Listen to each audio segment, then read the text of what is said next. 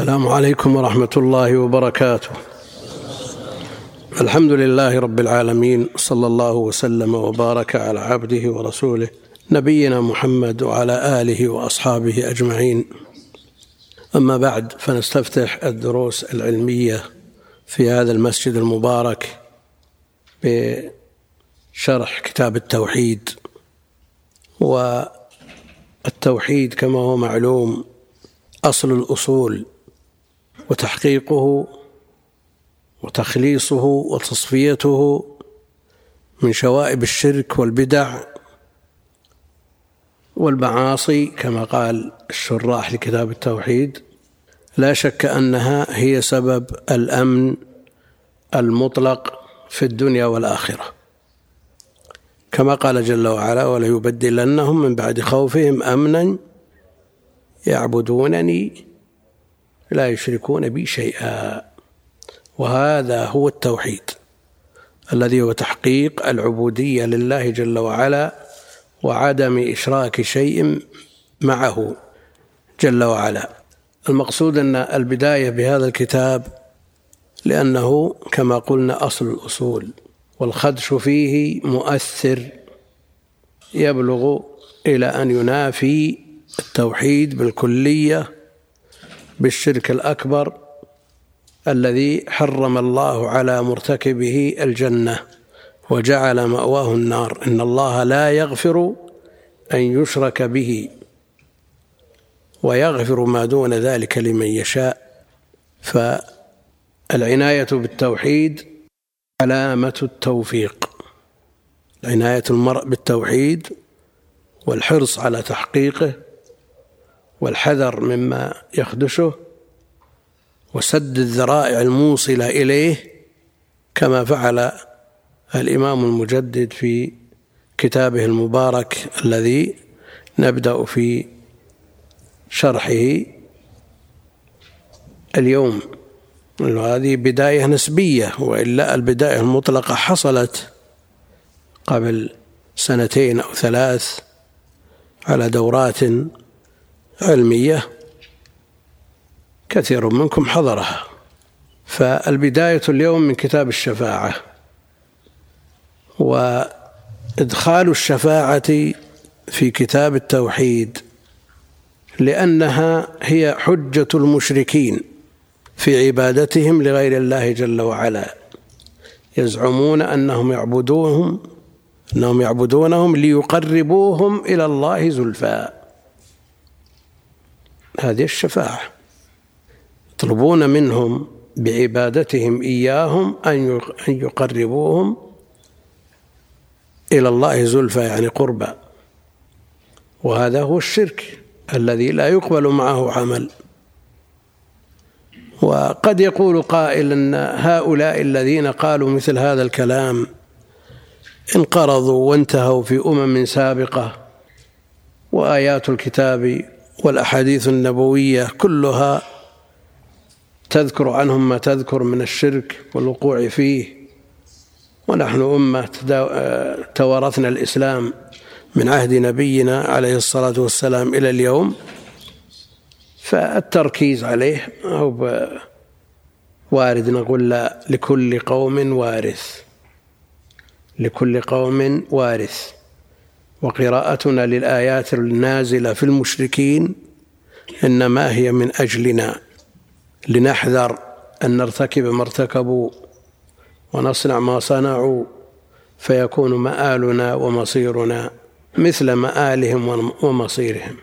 والذي يريد الشواهد من واقع الحال ينظر في القنوات التي تدار من قبل طوائف البدع أو القنوات السنية التي ترد على هذه الطوائف. قائل يقول لماذا لا نقول يا حسين؟ ولماذا لا نقول يا علي؟ الله أمرنا بهذا. فكيف نعصي الله جل وعلا؟ أمرك بإيش؟ أن تشرك به. الشرك الأكبر قد حذرك منه. أمرك تقول يا علي في المهم في الملمات وتقول يا يا حسين في أحلك الظروف والظلمات أمرك أن تشرك بي الشرك الأكبر؟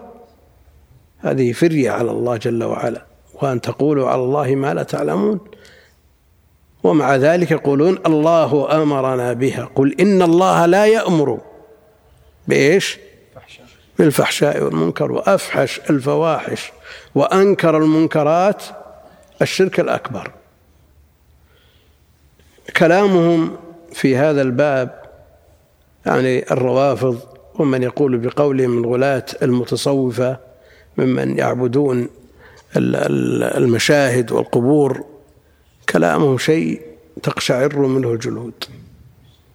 وألف بعضهم في المشاهد والبناء على القبور وهو محسوب معدود من أهل الحديث مع الأسف في المشاهد والبناء على القبور ويقول في في مقدمته هل البناء على القبور والمشاهد الموجودة في جميع أقطار المسلمين هل هي سنة متبعة من عهد السلف إلى يومنا هذا؟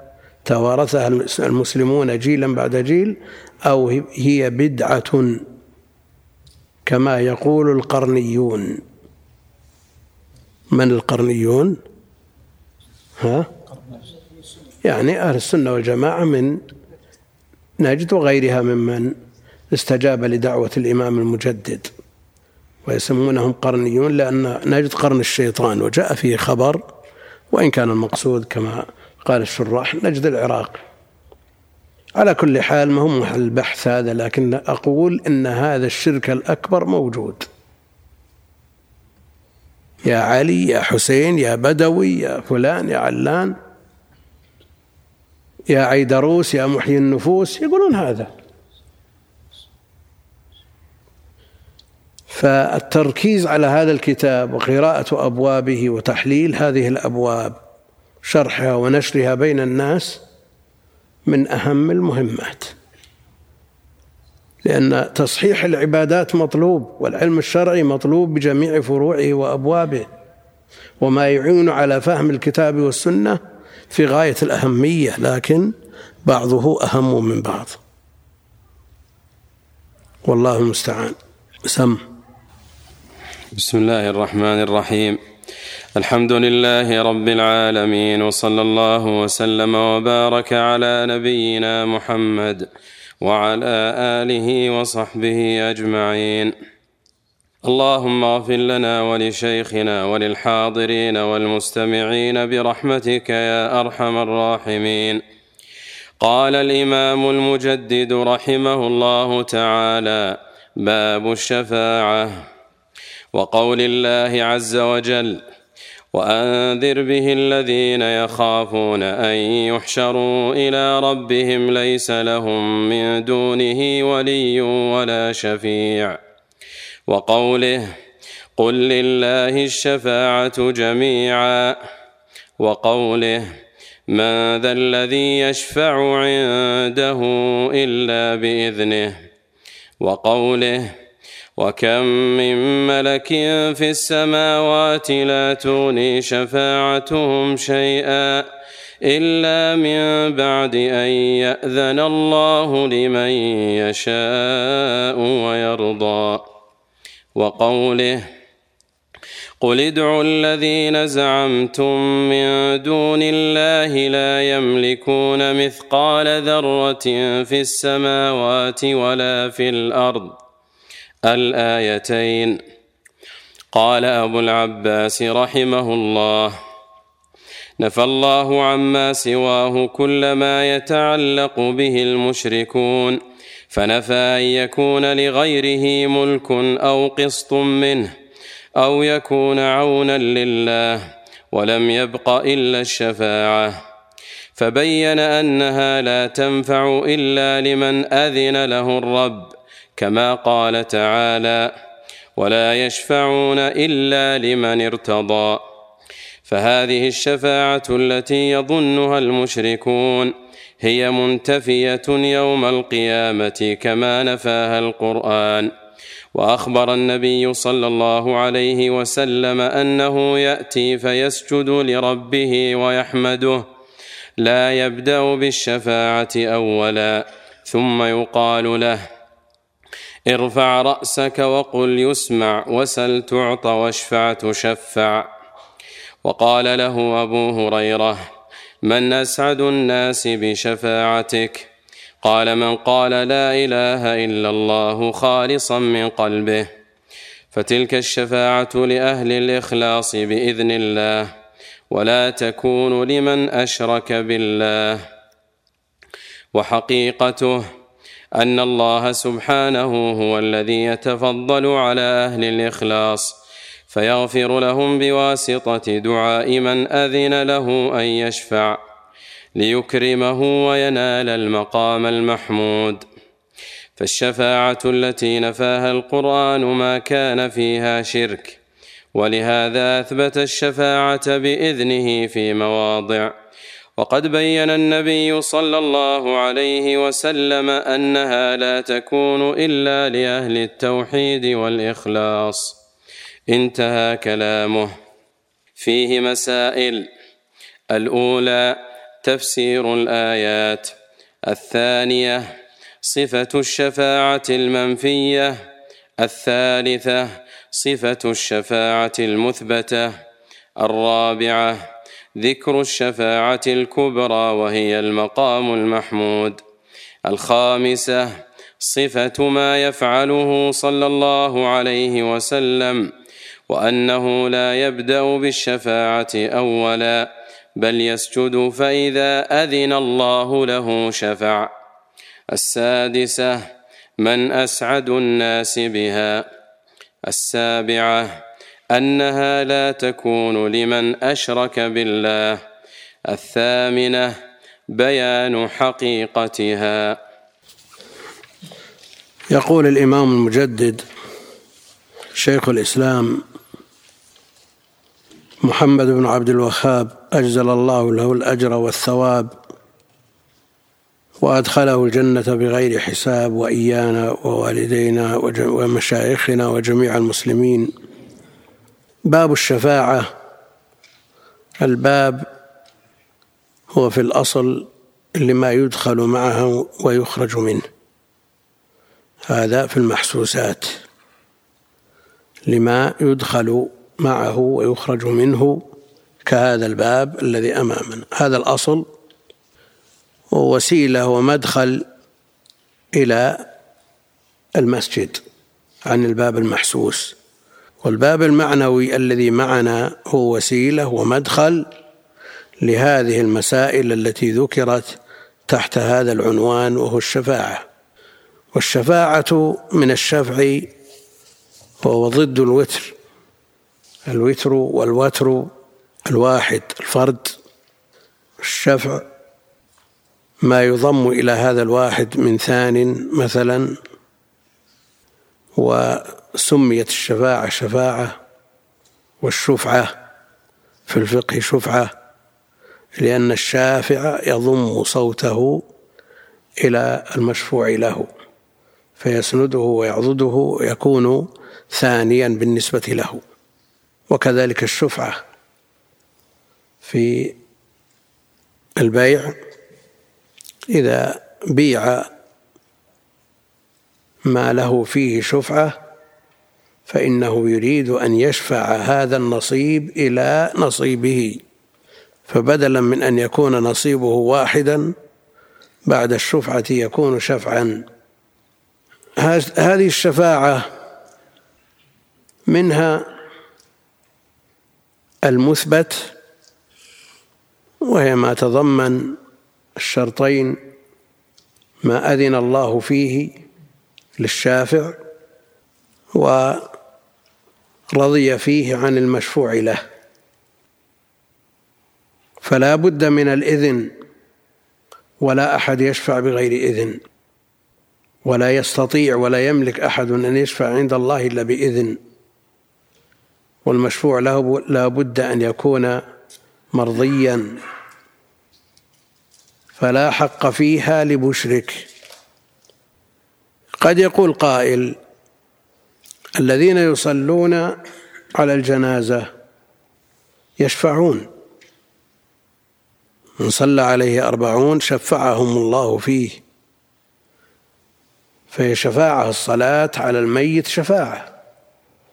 فهل حصل فيها الإذن والاستئذان كما فعل النبي عليه الصلاة والسلام في الشفاعة العظمى؟ يسجد ويستأذن فيؤذن له. هؤلاء الذين جاءوا ليصلوا على هذا الميت وهؤلاء الأموات شفعاء يشفعون لهذه لهذا الميت عند الله جل وعلا بالدعاء. اللهم اغفر له وارحمه وعافه واعف عنه وأكن نزله وأوسع مدخله إلى اخره فإذا بلغ العدد شفعوا فيه.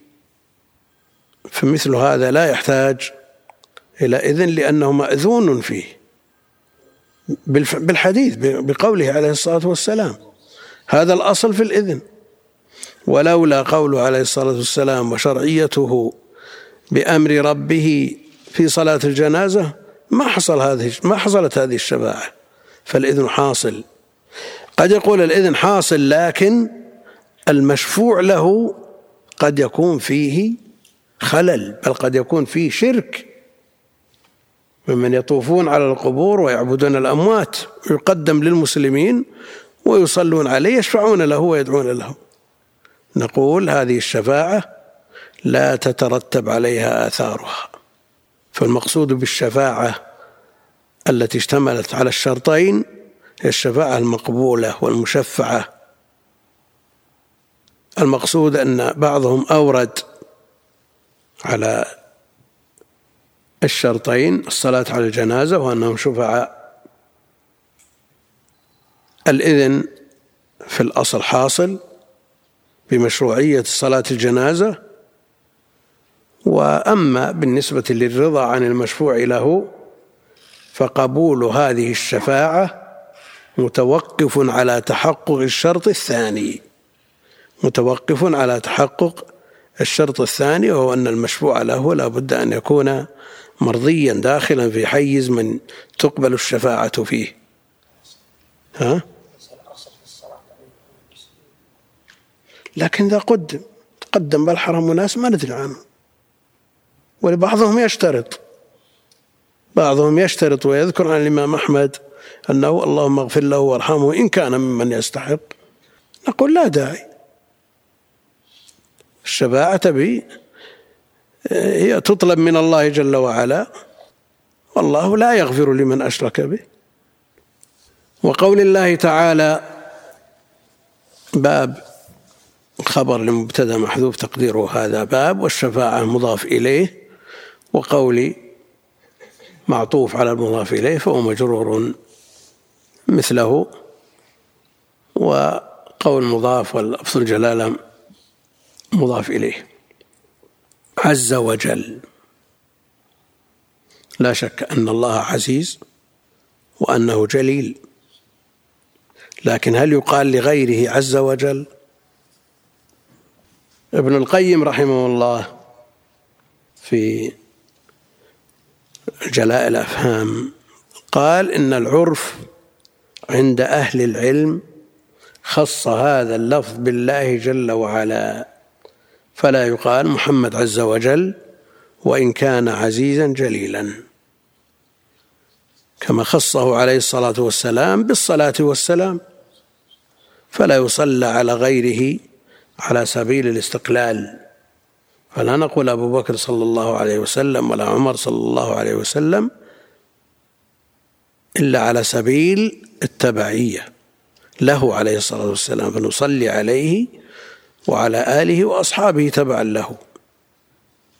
قالوا ومن وبالنسبة للصحابة ترضي لقد رضي الله عن المؤمنين. وهذا عرف عند أهل العلم. وإن كان بعض العلماء يترضون عن بعض الأئمة وبعض كبار التابعين. والأمر في هذا أوسع من الصلاة. يقول قال أحمد رضي الله عنه قال الشافعي رضي الله عنه وإن كان العرف عند الأكثر تخصيص الترضي بالصحابة والترحم بمن دونهم. وقول الله عز وجل وأنذر به الذين يخافون أن يحشروا إلى ربهم. ليس لهم من دونه ولي ولا شفيع. وأنذر به الذين يخافون من الذين يخافون؟ هم المؤمنون المتقون. أنذرهم به. وإنذارهم مما يضر بهم وتخويفهم وتحذيرهم منه لأنهم في الأصل هم المتبعون وهم المستجيبون بخلاف من عداهم. ذكر فإن الذكرى تنفع المؤمنين. يعني إذا رأيت كافر ما أذكره ما أدعوه للإسلام لكن الأصل أن الذي ينتفع بالذكرى هو المؤمن ولا يمنع أن يدعى غيره. وأنذر به ولذلك نذارته عليه الصلاة والسلام للجميع. لكن تخصيص الذين يخافون أن يحشروا إلى ربهم يخافون من هذا الموقف العظيم هم الذين يستجيبون لمثل هذا الإنذار بل هم في الأصل مستجيبون والأمر بإنذارهم من باب التأكيد كما بقوله جل وعلا يا أيها الذين آمنوا آمنوا. وأنذر به الذين يخافون أن يحشروا إلى ربهم. ليس لهم من دونه ولي ولا شفيع.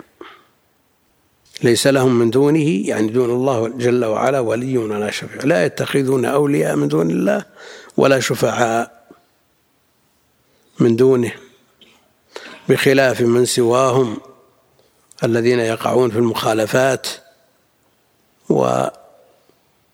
ويتخذون الشفعاء من دون الله ويزعمون أنهم يقربوهم إلى الله زلفى.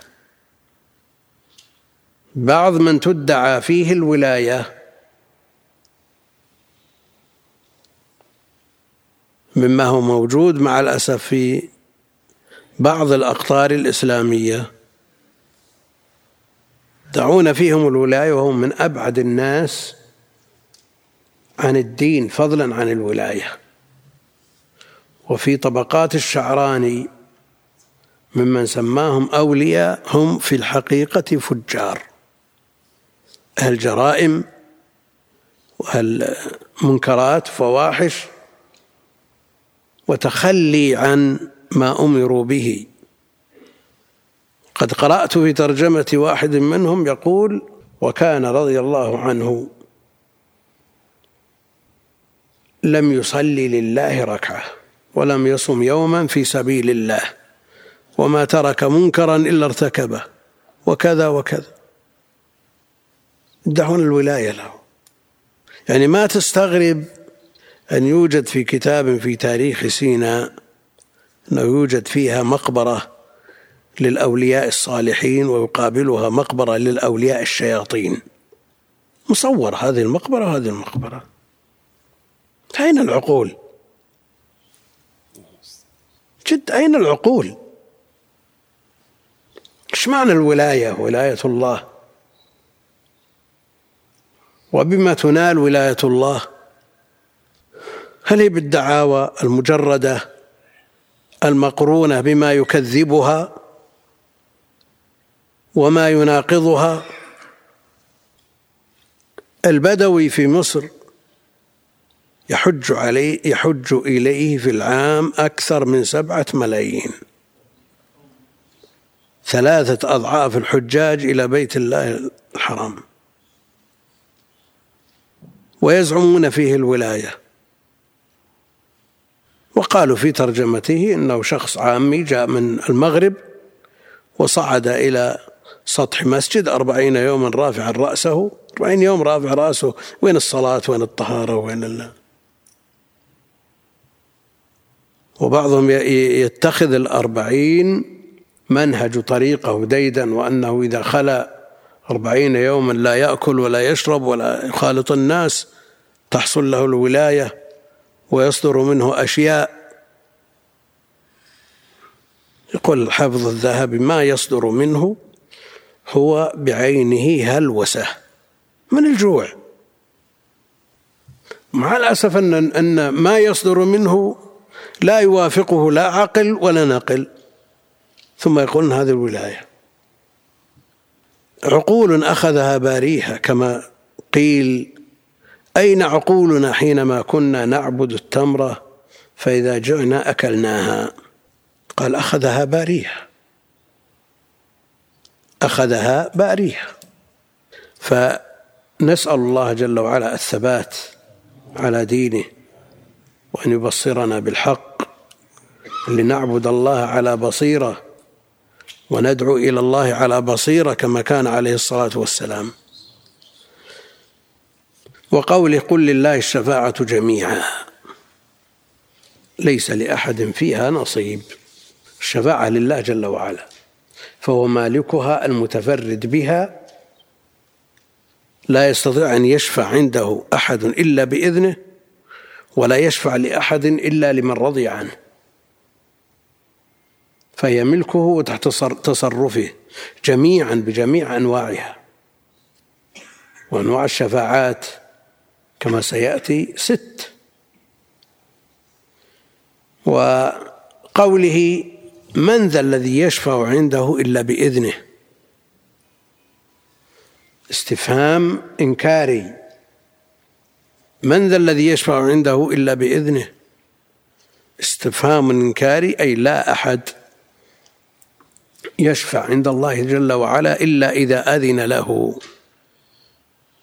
مع ولا يأذن إلا إذا كان المشفوع له مرضي عند الله جل وعلا. من ذا الذي يشفع عنده إلا بإذنه؟ ومثل هذا الاستفهام الإنكاري يتضمن التوبيخ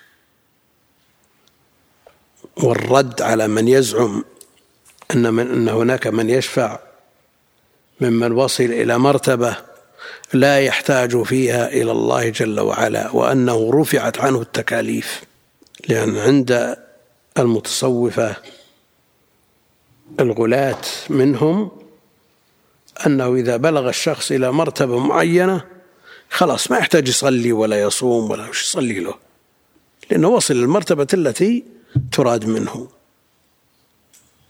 ولا شك أن الوصول إلى هذه المرتبة ودعوى هذه المرتبة وإسقاط التكاليف عن هذا لا شك أنه ضرب من الجنون. فلا ترتفع التكاليف إلا عن من غاب عقله الذي هو مناط التكليف. وإلا فالله جل وعلا يقول واعبد ربك حتى يأتيك اليقين من ذا الذي يشفع عنده إلا بإذنه؟ وقوله وكم من ملك في السماوات وكم من ملك في السماوات لا تغني شفاعتهم شيئا إلا من بعد أن يأذن الله لمن يشاء ويرضى. حتى يتوافر الشرطان. يأذن الله ويرضى. يأذن للشافع ويرضى عن المشفوع له. وكم من ملك في السماوات. كم للتكثير. ولا شك أن الملائكة خلق لا يحصيهم إلا الله جل وعلا. وفي حديث الأطيط الذي ضعفه جمع من أهل العلم أطت السماء وحق لها أن تئط ما فيها موضع أربعة أصابع إلا وفيه ملك ساجد أو قائم. فهم خلائق لا يحصون والبيت المعمور يدخله كل يوم سبعون ألفا لا يعودون إليه إلى قيام الساعة. كم العدد؟ سبعين ألف يوميا. وكم من ملك في السماوات؟ طيب الأرض فيها ملائكة ولا ما فيها؟ ها؟ فيها شو؟ فيها كثير. فيها كثير. كل واحد من البشر معه ملكان. وكل به ملكان. ويتعاقبون فيكم ملائكة بالليل وملائكة بالنهار. فيها خلق كثير من الملائكة. فلماذا الاقتصار على السماوات دون الأرض؟ منهم من يقول أن التنصيص على من في السماوات لأن لقربهم من الله جل وعلا. ها؟ والقرب يقتضي الشرف. ولذا حملة العرش أقرب من غيرهم. على كل حال منهم من يقول هذا والملائكة في الأرض غير مقصودين في هذه الآية. والذي يظهر أن قوله في السماوات من باب الاكتفاء يعني والأرض. سرابيل تقيكم الحر يعني والبرد. لكنه من باب الاكتفاء يكتفى بواحد يستدل به على الثاني. وعلى كل حال هم خلق كثير لا يحصيهم إلا الله جل وعلا. وهم المقربون. الله عليك شيخ. ألا نقول أن الأصل وجودهم في السماء ولكنهم نزلوا إلى الأرض لكن في لكن في هو بعض الذين يتعاقبون. نعم. الملائكة بالليل والملائكة بالنهار يتعاقبون. هؤلاء ينزلون وهؤلاء يصعدون. لكن الذين استقرارهم في السماء كم من ملك في السماوات. بعضهم يقول إن هؤلاء هم المقصودون بالآية ومن في الأرض ما يدخلون فيها لأنهم لم يذكروا في الآية ومنهم من يقول ولا مانع. من أن يكون المقصود الجميع وكلهم لا تغني شفاعتهم. لا تغني شفاعتهم. وإذا كانت الشفاعة من الملائكة في السماوات لا تغني فشفاعة من في الأرض كذلك. إذا قلنا من باب الاكتفاء أو من باب أولى إذا قلنا أن هؤلاء هم المقصودون بالذات. لا تغني شفاعتهم شيئا. نكرة في سياق النفي فتعم كل شيء يمكن أن يشفع به ولو قل شيئا إلا من بعد أن يأذن الله لمن يشاء ويرضى.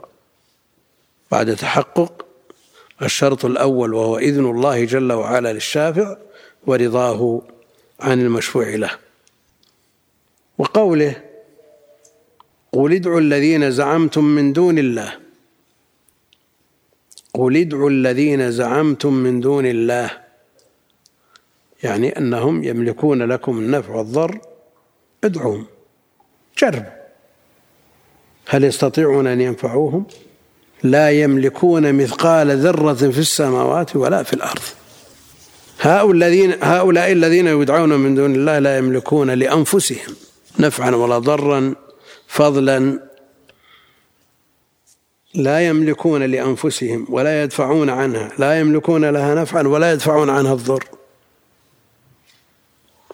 فكيف يملكون لغيرهم؟ الذي لا يستطيع أن ينفع نفسه ولا يستطيع أن ينفع غيره؟ نعم. شو؟ فاقد الشيء لا يعطيه. فاقد الشيء لا يعطيه. قد يقول قائل أن الممنوع من بعض الأشياء مثلا الاعتلال صحته لا يستطيع أن يستعمله لنفسه ويستطيع أن ينفع به غيره. لكن الكلام على الأصل على الأصل أن الذي لا يستطيع أن ينفع نفسه لا يستطيع أن ينفع غيره. هذا الذي لا يستطيع أن ينتفع بما أباح الله له لإعتلال صحته نفعه في تركه نفعه في تركه. قل ادعوا الذين زعمتم من دون الله لا يملكون مثقال ذرة في السماوات ولا في الأرض. قد يقول قائل إنهم يملكون الأموال الطائلة والآلات الكبيرة والعتاد الكثير يملكون لكنه ليس بملك مستقل. الله. لكن والمتصرف في الحقيقة هو الله جل وعلا. والإنسان يملك المال لكن هو في الحقيقة مال الله. وآتوهم من مال الله الذي آتاكم. فهو يقول مالي مالي. لكنه في الحقيقة ليس له من ماله إلا ما أكل. ها. فأفنى. أو لبس فأبلى ماله في الحقيقة ما قدمه لنفسه. أيكم ماله؟ مال غيره أحب إليه من ماله. قالوا كلنا مالنا أحب إلينا من أموال غيرنا. قال مالك ما قدمت. يعني وما تركت فهو مال الوارث ما هم مالك. قل ادعوا الذين زعمتم من دون الله لا يملكون مثقال ذرة في السماوات ولا في الأرض. قال أبو العباس شيخ الإسلام أبو العباس أحمد بن عبد السلام ابن عبد الحليم بن عبد السلام ابن تيمية الحراني شيخ الإسلام المولود سنة 61 وستمائة والمتوفى سنة ثمان وعشرين وسبعمائة. اشتهر رحمه الله بهذه الكنية وشهرها النقلة عنه لا سيما خواص طلابه. كثيرا ما يردد ابن القيم قال شيخنا أبو العباس سألت شيخنا أبا العباس رأيت شيخنا أبا العباس إلى آخره. كثير في مصنفاته. ومن الطرائف واحد من الباحثين نقل رأي ونسبه إلى شيخ الإسلام ابن تيمية من تفسير القرطبي. من تفسير القرطبي. القرطبي متوفى عمر شيخ الإسلام عشر سنوات. لماذا؟ لأنه وجد في شيخ في تفسير القرطبي وقد وذكرنا شيخنا أبو العباس ثم قال ورأيت شيخنا أبا العباس قال هذا ابن تيمية مثل ما يقول ابن القيم. على طالب العلم أن يتحرى الدقة وينتبه لمثل هذه الأمور. قال أبو العباس نفى الله عما سواه كل ما يتعلق به المشركون. نفى الله عما سواه كل ما يتعلق به المشركون. فنفى أن يكون لغيره ملك. لا يملكون مثقال ذرة. نفى أن يكون لغيره ملك أو قسط منه. يعني ليس له في الملك شركة. ليس له شركة في هذا الملك. أو يكون عونا وظهيرا للمالك. إذا كان الشخص لا يملك. وليس له شركة في الملك ولم يعن صاحب الملك ويساعده ويكون ظهيرا له. هل له وجه أن يتصرف في شيء من هذا الملك؟ بقيت الشفاعة ومع ذلك ولم يبق إلا الشفاعة كما يقول شيخ الإسلام فبين أنها لا تنفع إلا لمن أذن له الرب. يعني لو يجي شخص صاحب مال محل بيشفع له عند واحد يشفع الواحد عنده انتفت الأوصاف الثلاثة. لا ملك ولا شركة ولا إعانة لأن المالك يتصرف والشريك يتصرف والمعين له يد وله كلمة على من أعانه. ما بقي إلا أن يشفع له. أعطي هذا ولا خفض لهذا من نسبة من الربح ولا شيء يشفع شفاعة. وهذه لا تكون إلا بعد الإذن بالنسبة لله جل وعلا وأما المخلوق فيشفع ويجرب إن قبل بها ونعمة وإن رد. فلا تثريب. وجاء عنه عليه الصلاة والسلام اشفعوا تؤجروا ويقضي الله على لسان نبيه ما شاء. اشفعوا تؤجروا. إلا الشفاعة فبين أنها لا تنفع إلا لمن أذن له الرب. يعني تكميل آه، الآية أو الآية الآيتين في من سورة سبأ قل ادعوا الذين زعمتم من دون الله لا يملكون مثقال ذرة في السماوات ولا في الأرض وعليه اقتصر الشيخ رحمه الله. وما لهم فيهما من شرك. نفى الملك لا يملكون وما لهم فيهما من شرك وما له منهم من ظهير. يعني ما لهم معين لله ما منهم معين لله جل وعلا ليكون له يد فيشفع بغير إذن.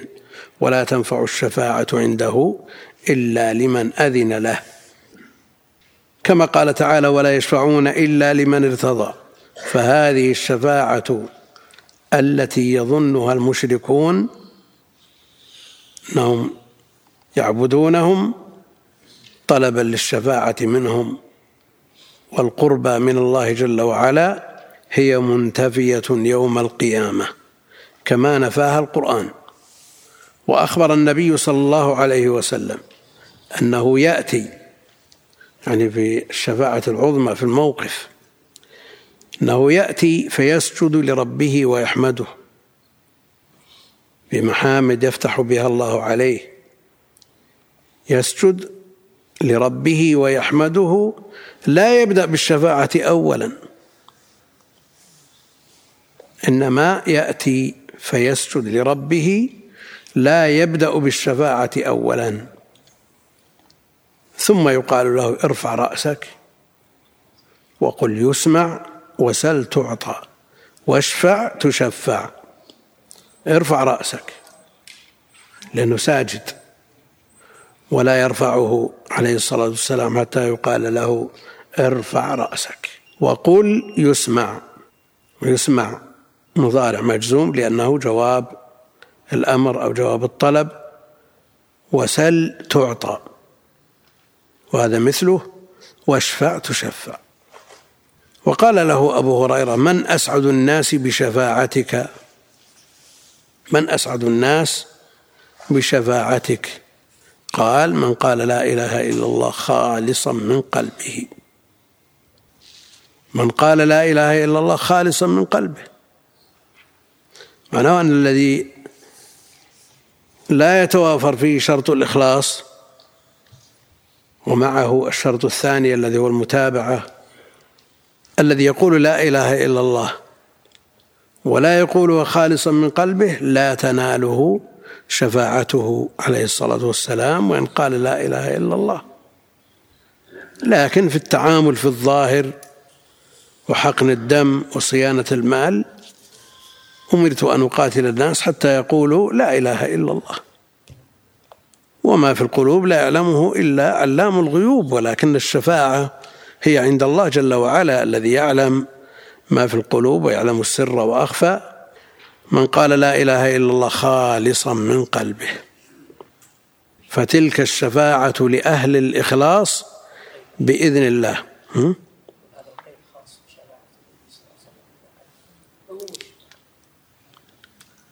الذي الذي يقول لا إله إلا الله غير مخلص تقبل؟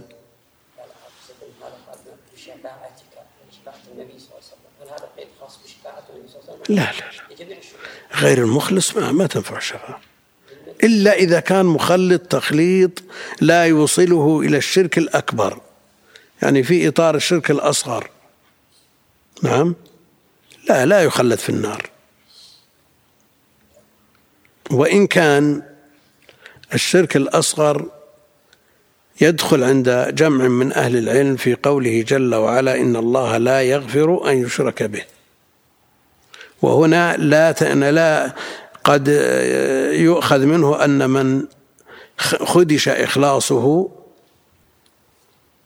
أنه لا تناله شفاعة النبي عليه الصلاة والسلام بل لا بد أن يأخذ نصيبه من العذاب إن لم يصل إلى الشرك الأكبر. ثم يكون مآله إلى الجنة كما قالوا في آية النساء. كما قالوا في آية النساء إن الله لا يغفر أن يشرك به قالوا يتناول الأصغر الأكبر والأصغر لكن الأكبر يخلد والأصغر يعذب بقدر خلله ويخرج من النار.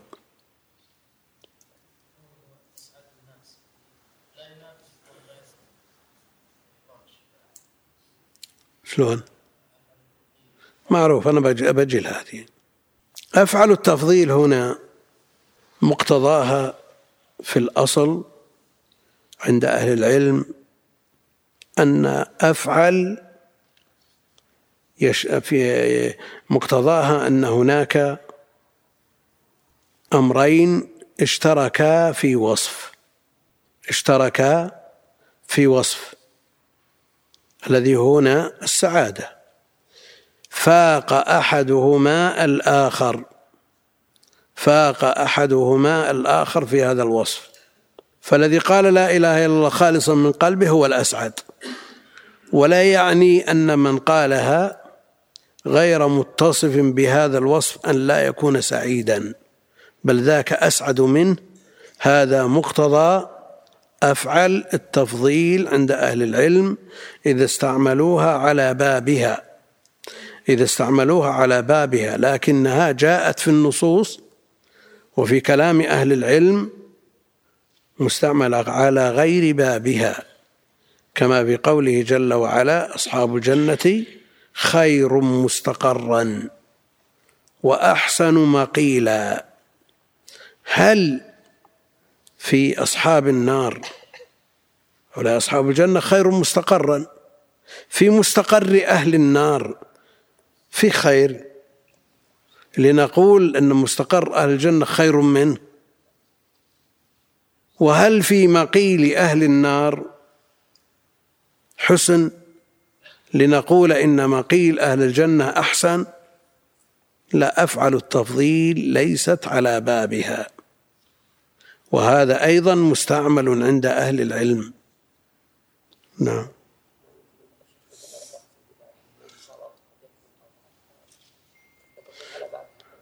لا هو إذا إذا كان التخليط والخدش في الإخلاص لا يصل إلى الشرك الأكبر. نعم. لكن لا يصل إلى الشرك الأكبر فهو يعذب بقدره إذا كان شركا أصغر ومآله إلى الجنة. لأنه لا يخرج من الملة. فتكون أسعد على بابها. على كل حال أهل العلم يستعملون أفعل كما جاء في آية آه، الفرقان. على غير بابها. فيقولون هذا الحديث أصح ما في الباب. أصح. مقتضى الصيغة أن هذا الحديث صحيح وفي الباب أحاديث صحيحة لكنه أصح منها. ولكنهم يستعملون هذه الصيغة ولو لم يكن في الباب ولا حديث صحيح. لكن هذا أقواها وإن كان ضعيفا. ومثله قولهم أضعف ما في الباب. ويقولون فلان أوثق من فلان وكلاهما ضعيف. أو يقولون فلان أضعف من فلان وكلاهما ثقة. على كل حال الاستعمال معروف عند أهل العلم وجاء في النصوص. هذا إذا قلنا أن أسعد ليست على بابها لأن الوصف الذي هو السعادة لا ينال من لم يخلص. ولا شك أنه لا ينال من لا يخلص الإخلاص التام الذي يخدش في أصل التوحيد. وأما إذا كان الإخلاص فيه شوب من الرياء أو النظر إلى مراءة الناس وما أشبه ذلك مما هو معدود في حيز الشرك الأصغر فله نوع سعادة لكن ذاك المخلص الإخلاص التام أسعد منه ها؟ لا النصوص هي اللي تدل. النصوص الأخرى هي اللي تبين. فتلك الشفاعة لأهل الإخلاص بإذن الله لا تكون لمن أشرك بالله. لا تكون لمن أشرك بالله. وهنا نورد السؤال الذي بعثه أحد الإخوة ونم في يأتي في أنواع الشفاعة لكن هنا مناسب. يقول رحمه الله فتلك الشفاعة لأهل الإخلاص بإذن الله ولا تكون لمن أشرك بالله. أكثر من سؤال قالوا شفاعة النبي عليه الصلاة والسلام لعمه أبي طالب هل أبو طالب مرضي عنه؟ عند الله جل وعلا.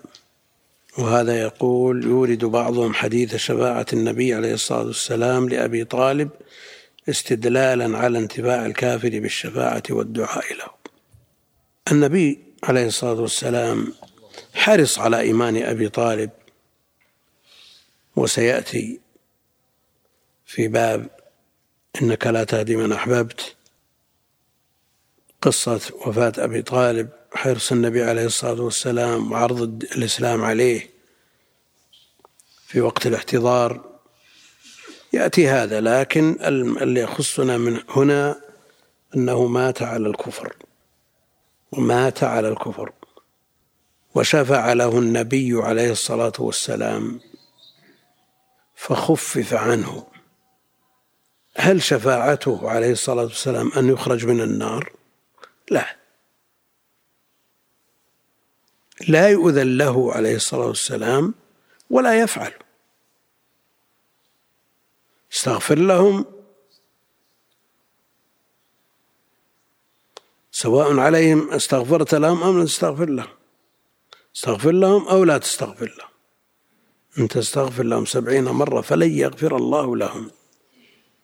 هذا أمر مقطوع به ومجزوم به أن من مات على الكفر أنه خالد مخلد في النار. لكن مسألة التخفيف ويكون في ضحضاح من نار.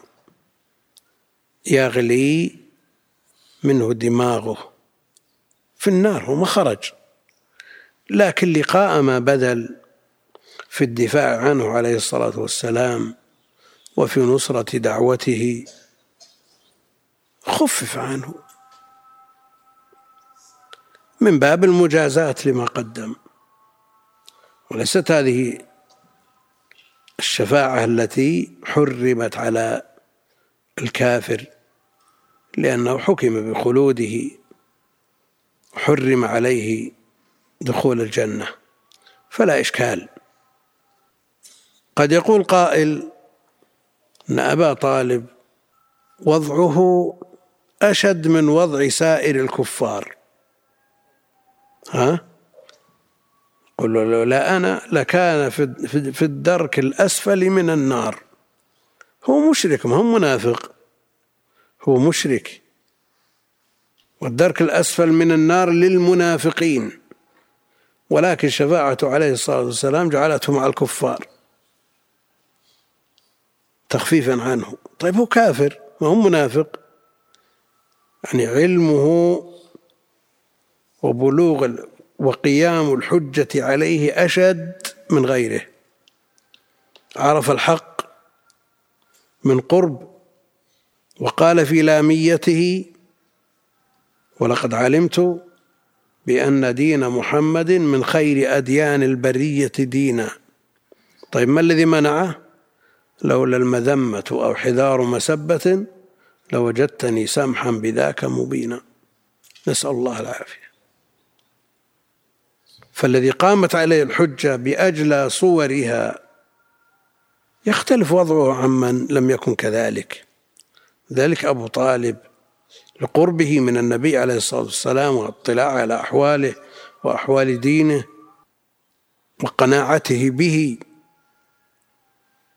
ولقد علمت بأن دين محمد من خير أديان البرية دينا. لولا المذمة أو حذار مسبة لوجدتني سمحا بذاك مبينا. يخشى أن يذم أن يقال صبأ أسلم. ما حمله على ذلك إلا الخراع والجزع. نعوذ بالله من جلساء السوء ومن سوء العاقبة والخاتمة. قال وحقيقته أن الله سبحانه هو الذي يتفضل على أهل الإخلاص.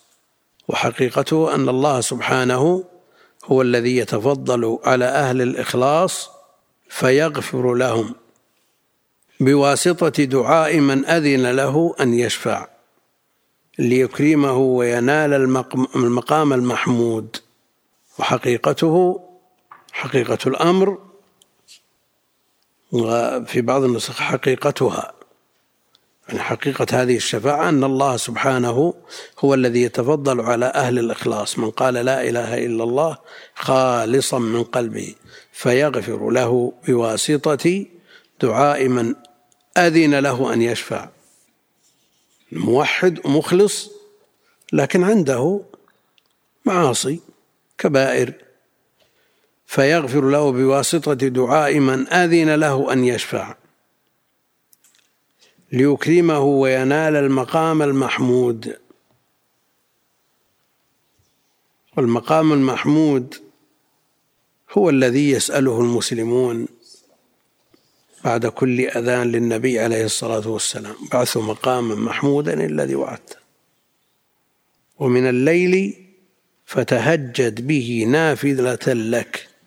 عسى أن يبعثك ربك مقاما محمودا هذا المقام المحمود الذي لا مقام فوقه وإلا فكل مسلم يتهجد بالليل يحمد المقام إذا قام يوم يقوم الناس لرب العالمين.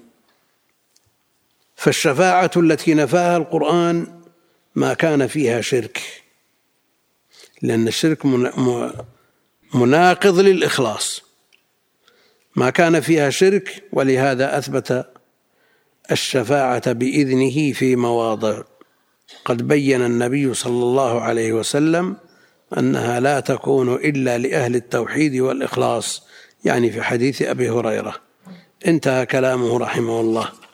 ثم قال رحمه الله تعالى فيه مسائل وهذه عادته رحمه الله.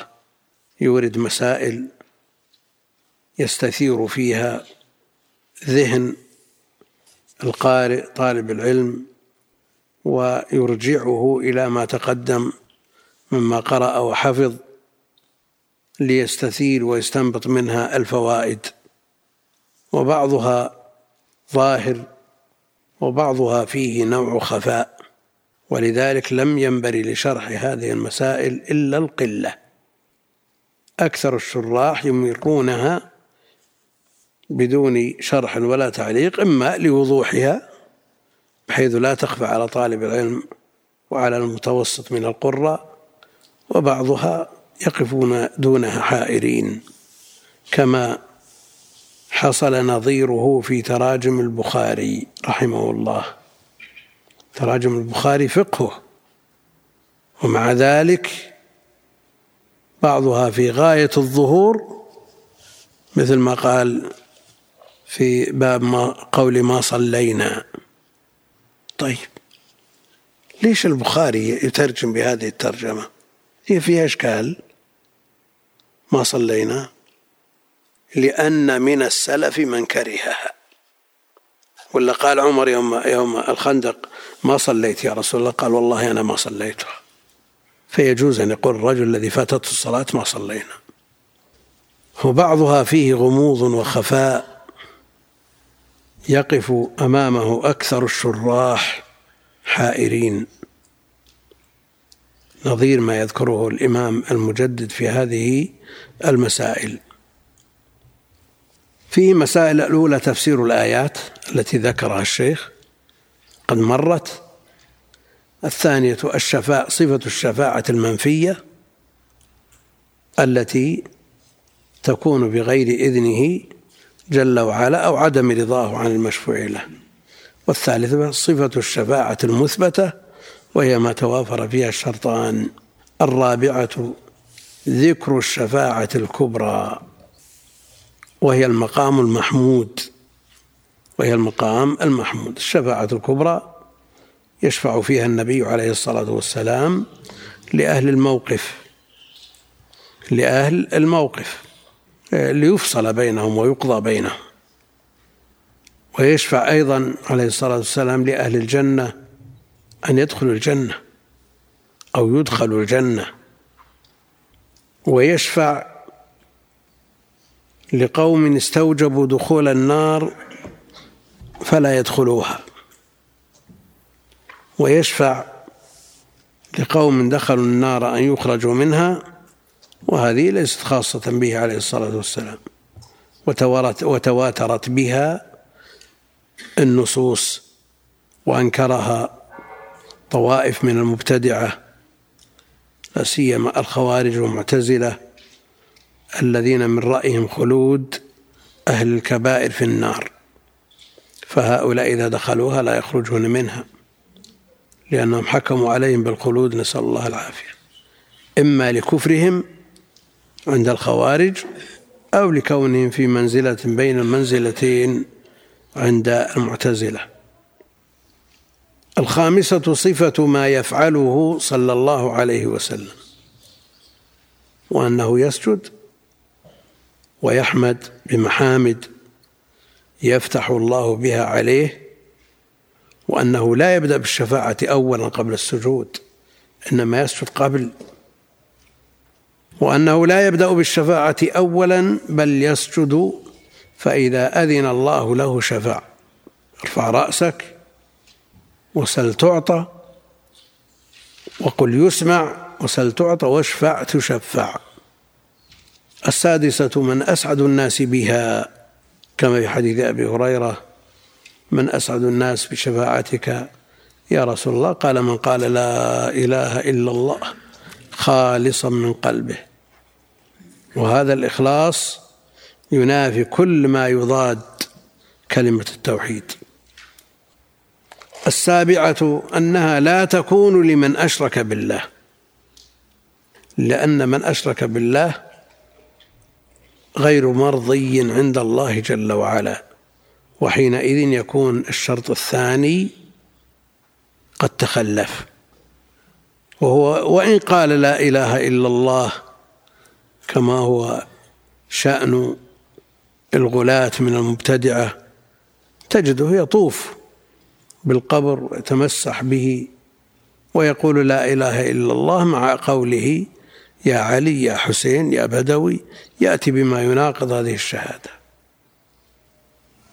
الثامنة بيان حقيقتها حقيقة الشفاعة. وهي التي مرت بكلام شيخ الإسلام رحمه الله تعالى أن الله سبحانه هو الذي يتفضل على أهل الإخلاص فيغفر لهم بواسطة دعاء من من أذن له أن يشفع ليكرمه وينال المقام المحمود. والله أعلم وصلى الله وسلم على نبينا محمد وعلى آله وصحبه أجمعين.